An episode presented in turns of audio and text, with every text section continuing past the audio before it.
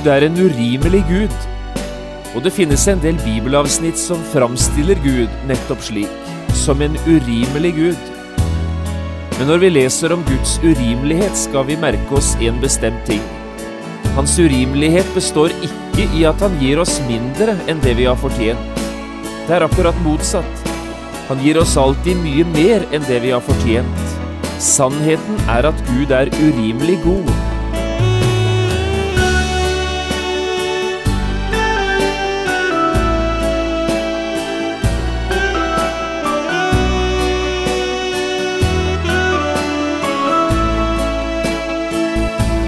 Hjertelig velkommen til et nytt program i serien Vindu mot livet. Programmet er produsert av Kristen Riksradio og blir ledet av Jon Hardang. Dette programmet er produsert med støtte fra Herman Høyfjellssenter.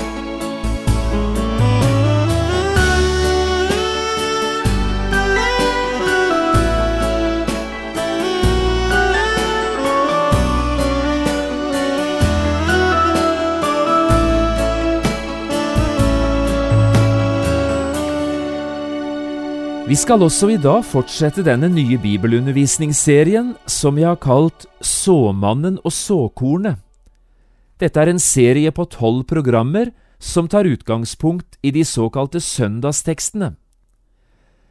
Det bibelavsnittet vi skal lese i dag, er en lignelse av Jesus.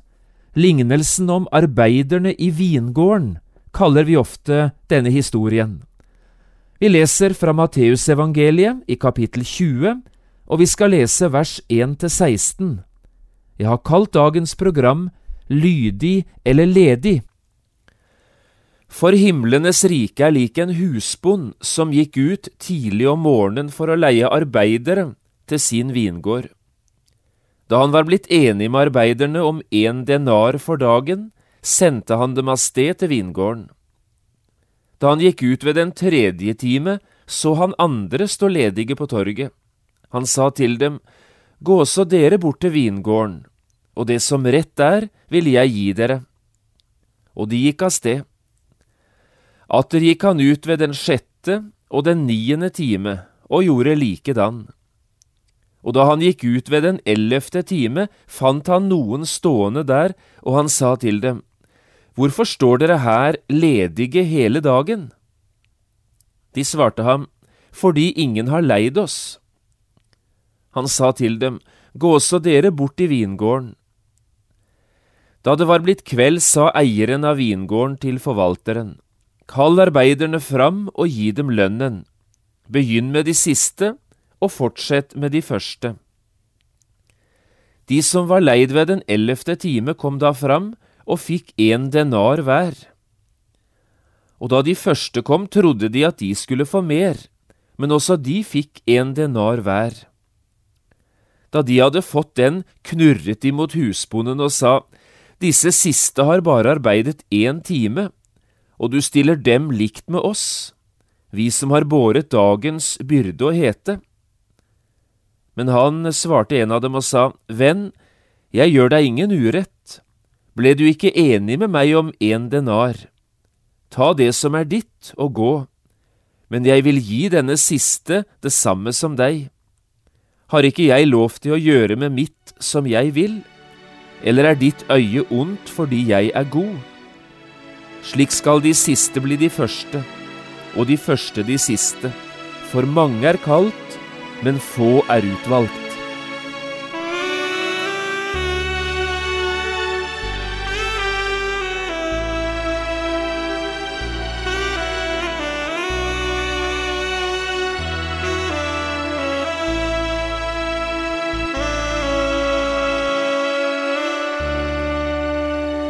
Når det gjelder Guds kall og arbeidet i Guds rike, finnes det egentlig bare to slags mennesker, de lydige og de ledige. I boka si Betraktningen tar forfatteren, pastor Carl Palmberg, fatt i denne saken, og gir oss en skildring av begge disse typene, både de lydige og de ledige, ved å fortelle oss om to hunder, en gammel feit gårdshund og en sprek jakthund. Han skriver Gårdshunden satt hver dag utenfor kjøkkendøren og gjødde mot alt og alle, En bonde kom kjørende på veien, og hunden knurret. En flue surret rett forbi hundens nese, og igjen bjeffet hunden. Solen brøt igjennom skydekket, og hunden gir igjen en liten advarsel. Og når solen noen minutter senere på nytt gjemmer seg bak en sky, ja, så knurrer den igjen. Alle forandringer i lyd, lys og temperatur er til irritasjon for denne hunden på kjøkkentrappen. Den gjør mot alt og alle uten egentlig å mene så mye med det. Den gir egentlig bare uttrykk for sin egen misnøye med tilværelsen.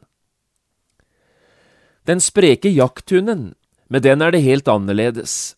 Den har verken tid eller anledning til å bry seg om bønder og fluer. Den farer som en vind over markene og gjennom skogen. Iblant snubler den over stokk og stein, men kommer seg fort på beina igjen, og så jager den videre. Jakthunden er behersket av én en eneste stor lidenskap – å vinne sitt bytte. Noe annet har den ikke tid til. Slik er det også med menneskene, sier Carl Palmberg. Dette er de lydige og de ledige. Noen ligner på gårdshunden, det er de ledige. Disse er nesten alltid opptatt med å kritisere andre, for det de er, for det de gjør, eller kanskje for noe de ikke gjør. Men selv er de langt ifra lykkelige mennesker. Livet er fattig og tomt, gledesløst og meningsløst og først og fremst skyldes det at de aldri selv har vært lydige mot Guds kall. De er ledige, men ikke lydige. Andre ligner den spreke jakthunden. Noen ledighet kjenner de ikke til, og grunnen er denne, de har møtt Guds kall, og mot dette kallet har de vært lydige. De har verken tid eller lyst til å kritisere andre. Fritidsproblemer eller tidsfordriv er fremmedord i deres hverdag. De er opptatt med én en eneste ting – å tjene Gud og å være sjelevinnere. De ble frelst, ikke bare for selv å få det godt, men også for å vinne andre. De er ikke ledige, de vil være lydige. Hvem av disse to hundene ligner du? Hva slags menneske er du? Hører du med blant de lydige, eller står du bare der og henger sammen med de ledige? Jeg hadde så lyst til å legge det spørsmålet inn i deg i dag. Hører du til blant de lydige, eller er du en av de ledige? For himlenes rike er likt en husbond som gikk ut tidlig om morgenen for å leie arbeidere til sin vingård. Slik begynte Jesus altså lignelsen han fortalte til Peter og de andre disiplene. På denne måten setter Jesus ord på noe av det viktigste et menneske møter i livet, nemlig Guds kall. Når Bibelen taler om kallet, og selv formidler dette kallet til oss, har dette som regel med to forskjellige ting å gjøre. Kallet kan gå i to ulike retninger, om vi kan si det slik. Gud kaller til frelse, det er det ene. Gud kaller til tjeneste, det er det andre. Hva slags kall er det så vi har med å gjøre i denne lignelsen som Jesus forteller her? Er det frelseskallet det dreier seg om, eller er det kallet til tjeneste?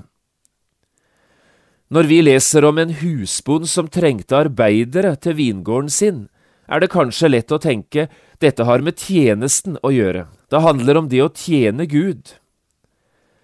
Jeg er likevel ikke så sikker på at vi for raskt skal gjøre den slutningen.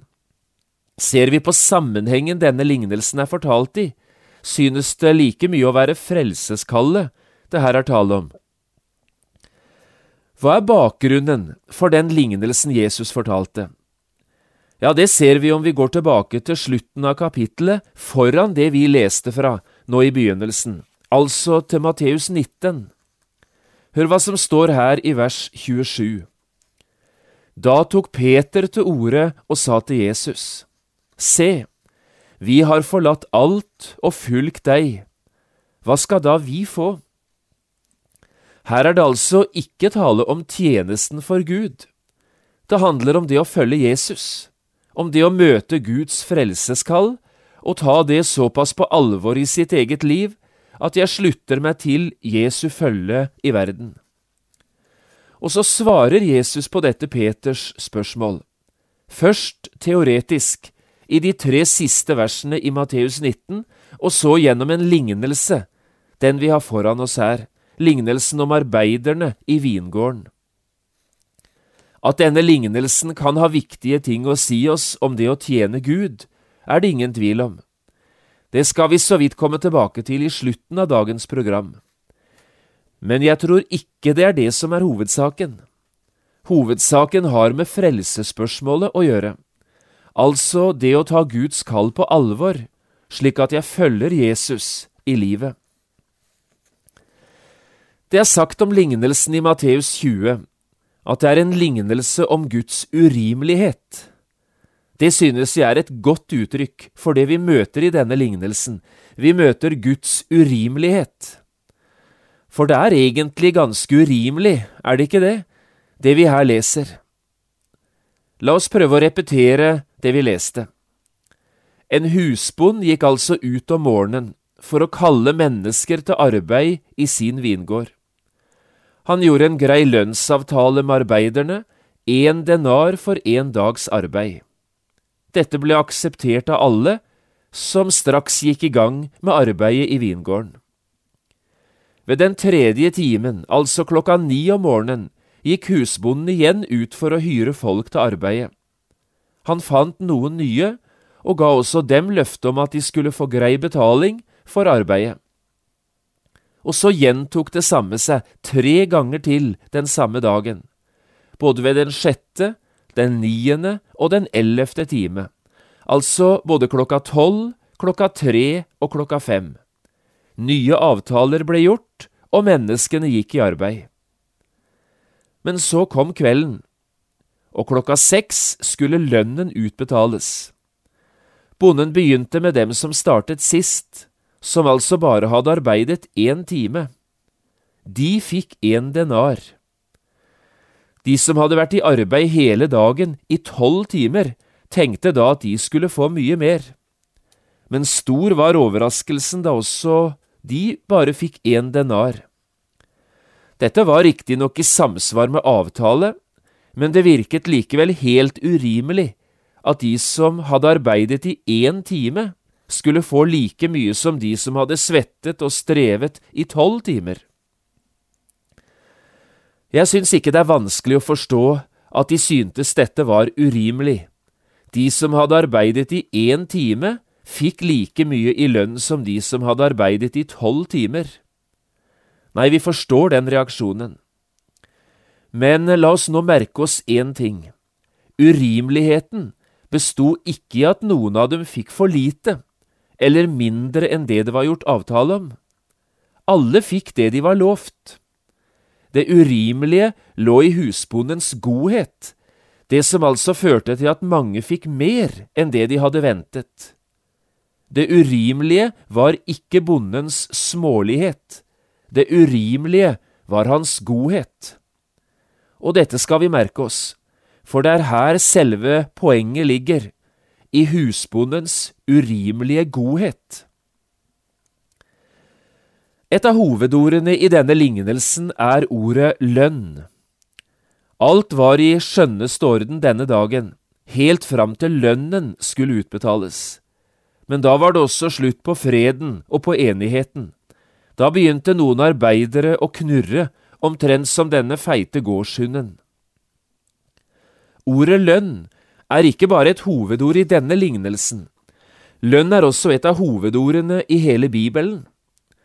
La meg få lov å sitere ett enkelt bibelord for deg, som har med dette med lønn å gjøre. Jeg tenker på Romerbrevet 6 og vers 23. Her sier Paulus det slik, For syndens lønn er døden, men Guds nådegave er evig liv i Kristus Jesus. Det Paulus her taler om, er selve frelsesspørsmålet, altså det samme som Jesus taler om i lignelsen vi har foran oss. I dette bibelordet fra Romerbrevet 6 berører Paulus tre ulike ting som alle har med frelsesspørsmålet å gjøre, og som har med tre ulike tidspunkt å gjøre. Jeg tror dette kan hjelpe oss til å forstå hva Jesus mente med den lignelsen han nettopp fortalte. For det første sier Paulus, syndens lønn er døden. Dette ble forkynt allerede tidlig på morgenen i vår verdens historie, på selve skapelsens morgen. Da sa Gud det slik. Av hvert tre i hagen kan du fritt ete, men treet til kunnskap om godt og ondt må du ikke ete av, for på den dag du eter av det, skal du visselig dø. Syndens lønn er døden, sa altså Gud. Og så kjenner vi fortsettelsen på historien, hvordan det gikk da fristeren ankom denne hagen. De første menneskene falt, tok av den forbudne frukt, og så ble de vist bort fra hagen. Siden den dagen har hele verden vært underlagt syndens og dødens lov. Men så det andre. Paulus sier at Gud satte i gang en redningsaksjon i Kristus Jesus, slik det lyder her. Midt på dagen, på selve langfredag, mottok Jesus, Guds sønn, den lønnen som hele verden skulle hatt, døden. Jesus døde vår død. Han bar all verdens synd opp på korset og tok hele den straffen en hel verden full av fortapte mennesker hadde fortjent. Jesus betalte for alle dine og mine synder. Guds dom rammet han, som ble din og min stedfortreder. Han tok vår lønn. Og så sier Paulus for det tredje, i dag er nådens tid, nå er frelsens dag. Nå lyder evangeliet som sier Guds nådegave er evig liv i Kristus Jesus. Jesus tok den straffen som du og jeg skulle hatt, for at du og jeg, helt ufortjent, skulle få den behandlingen bare Jesus fortjente. Guds frelse, Guds tilgivelse, rekkes oss i budskapet om Jesus. Her får du og jeg ta imot en lønn for noe som en annen person har gjort. Vi får barnekår hos Gud, helt ufortjent, av nåde, for Jesus skyld. Vi får nådens lønn. Hør nå, hvis Gud skulle ha behandlet oss på en rimelig måte, hadde vi blitt værende i våre synder. Vi hadde gått fortapt, hver eneste en av oss. Gud hadde all rimelig grunn til å snu ryggen til oss. Men det gjorde han altså ikke. Gud er en urimelig Gud, som handler med deg og meg på en helt urimelig måte. Han gir hver eneste en av oss langt mer enn det vi kunne ha drømt om, eller fortjent. Frelsen er aldri et resultat av våre gjerninger, aldri en belønning for lang og tro tjeneste, ikke engang etter tolv timer i vingården en varm og solfylt dag. Guds frelse er alltid helt ufortjent. Ser du ikke nå hvordan vi skal forstå Jesu lignelse, denne historien om Guds urimelige godhet? Noen har vært hos Jesus fra livets morgen, helt fra livet begynte. De ble båret til Jesus lenge før de er i stand til å huske det selv, og siden har de blitt værende hos han, hele den lange, lyse livsdagen. Andre igjen ble frelst i sin ungdom, eller kanskje i voksen alder, i den tredje, den sjette eller den niende time. Og noen kom i den ellevte time, slik røveren på korset gjorde. Men han ble like herlig frelst, han som de andre, enda han ikke hadde vært i Jesu følge mer enn én time. Alle fikk del i den samme frelsen. Ja, for har ikke Gud lov å gjøre med sitt som han vil? Har ikke han lov å frelse mennesker av nåde, enten de kommer tidlig til han eller de kommer seint? Hvorfor skal vårt øye være ondt fordi Gud er god, urimelig god? Du skulle gi deg over til Gud, slå deg sammen med Jesus. Du skulle gå i dag til vingården, enten du befinner deg i livets morgen eller det nærmer seg livskvelden. Ingen kom for tidlig til Jesus, men det var noen som kom for seint. Men alle dem som kom, de ble Guds barn uten unntak. Derfor skulle du være lydig mot Jesu kall, ikke ledig. Til slutt et lite ord om tjenesten. For det er klart at denne lignelsen også kan lære oss noe viktig om det å tjene Gud. La meg få gi deg et par tanker også om dette. For det første, ingen begynner å tjene Gud for tidlig. Jesus fortalte altså om husbonden at han gikk ut tidlig på morgenen. Klokken var bare seks, og noen gikk i gang med arbeidet allerede da. Jeg tror ikke jeg har møtt noen i livet som angrer på at de stilte seg til tjeneste for Herren og gjorde det for tidlig. Men jeg har møtt ganske mange mennesker som nok gleder seg over å ha en frelst sjel, men som samtidig gråter over et forspilt liv. De møtte Jesus så seint i livet, de beste årene var gått, og så fikk Jesus bare restene. Han hadde fortjent så mye bedre. Du som lytter nå, du må ikke vente når Gud kaller. Vær lydig mot Guds kall, ikke stå lenger ledig på torget, sammen med den store hopen av tankeløse mennesker. Gå i dag og arbeid. Og så det andre. Ikke gå inn i tjenesten for Gud med tanke på å skulle hove inn en stor lønn. Den som tjener Gud for å få lønn, har skjønt lite hva dette egentlig dreier seg om. Ja, for like lite som du har fortjent frelsen, like lite har du fortjent tjenesten. Også her handler det om nåde hele veien. Guds rike er et nåderike. Guds utrustning til tjeneste kalles nådegaver, og den dagen lønnen skal utbetales, ja, så blir det nådelønn på alle, verken mer eller mindre. Prøv å tjene Jesus i kjærlighet, i lydighet og i trofasthet, og gjør det hele veien i takknemlighet for Golgata, for hans store kjærlighet til deg, for hans helt urimelige godhet, som også du har møtt. Det var nåde at du ble frelst, og det er nåde at du skal få tjene. I møte med Guds kall finnes det bare to slags mennesker, hørte vi fra begynnelsen i dagens program. De lydige og de ledige. Jeg spør igjen, hvilken av disse to flokkene befinner du deg i? Er du en av de lydige, eller er du enda en av de ledige?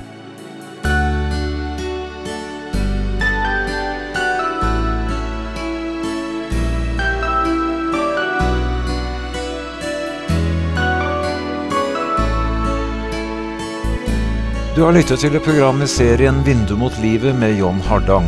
Programmene i denne serien kan også kjøpes på CD fra Kristen Riksradio eller høres på internett på p7.no. Har du spørsmål eller kommentarer til det du nå har hørt, kan du ta kontakt med oss. Adressen er Kristen Riksradio, Skiene 2, 5353 Straume. Eller send en e-post vml alfakrøll p7.no. Takk for i dag, og på gjenhør.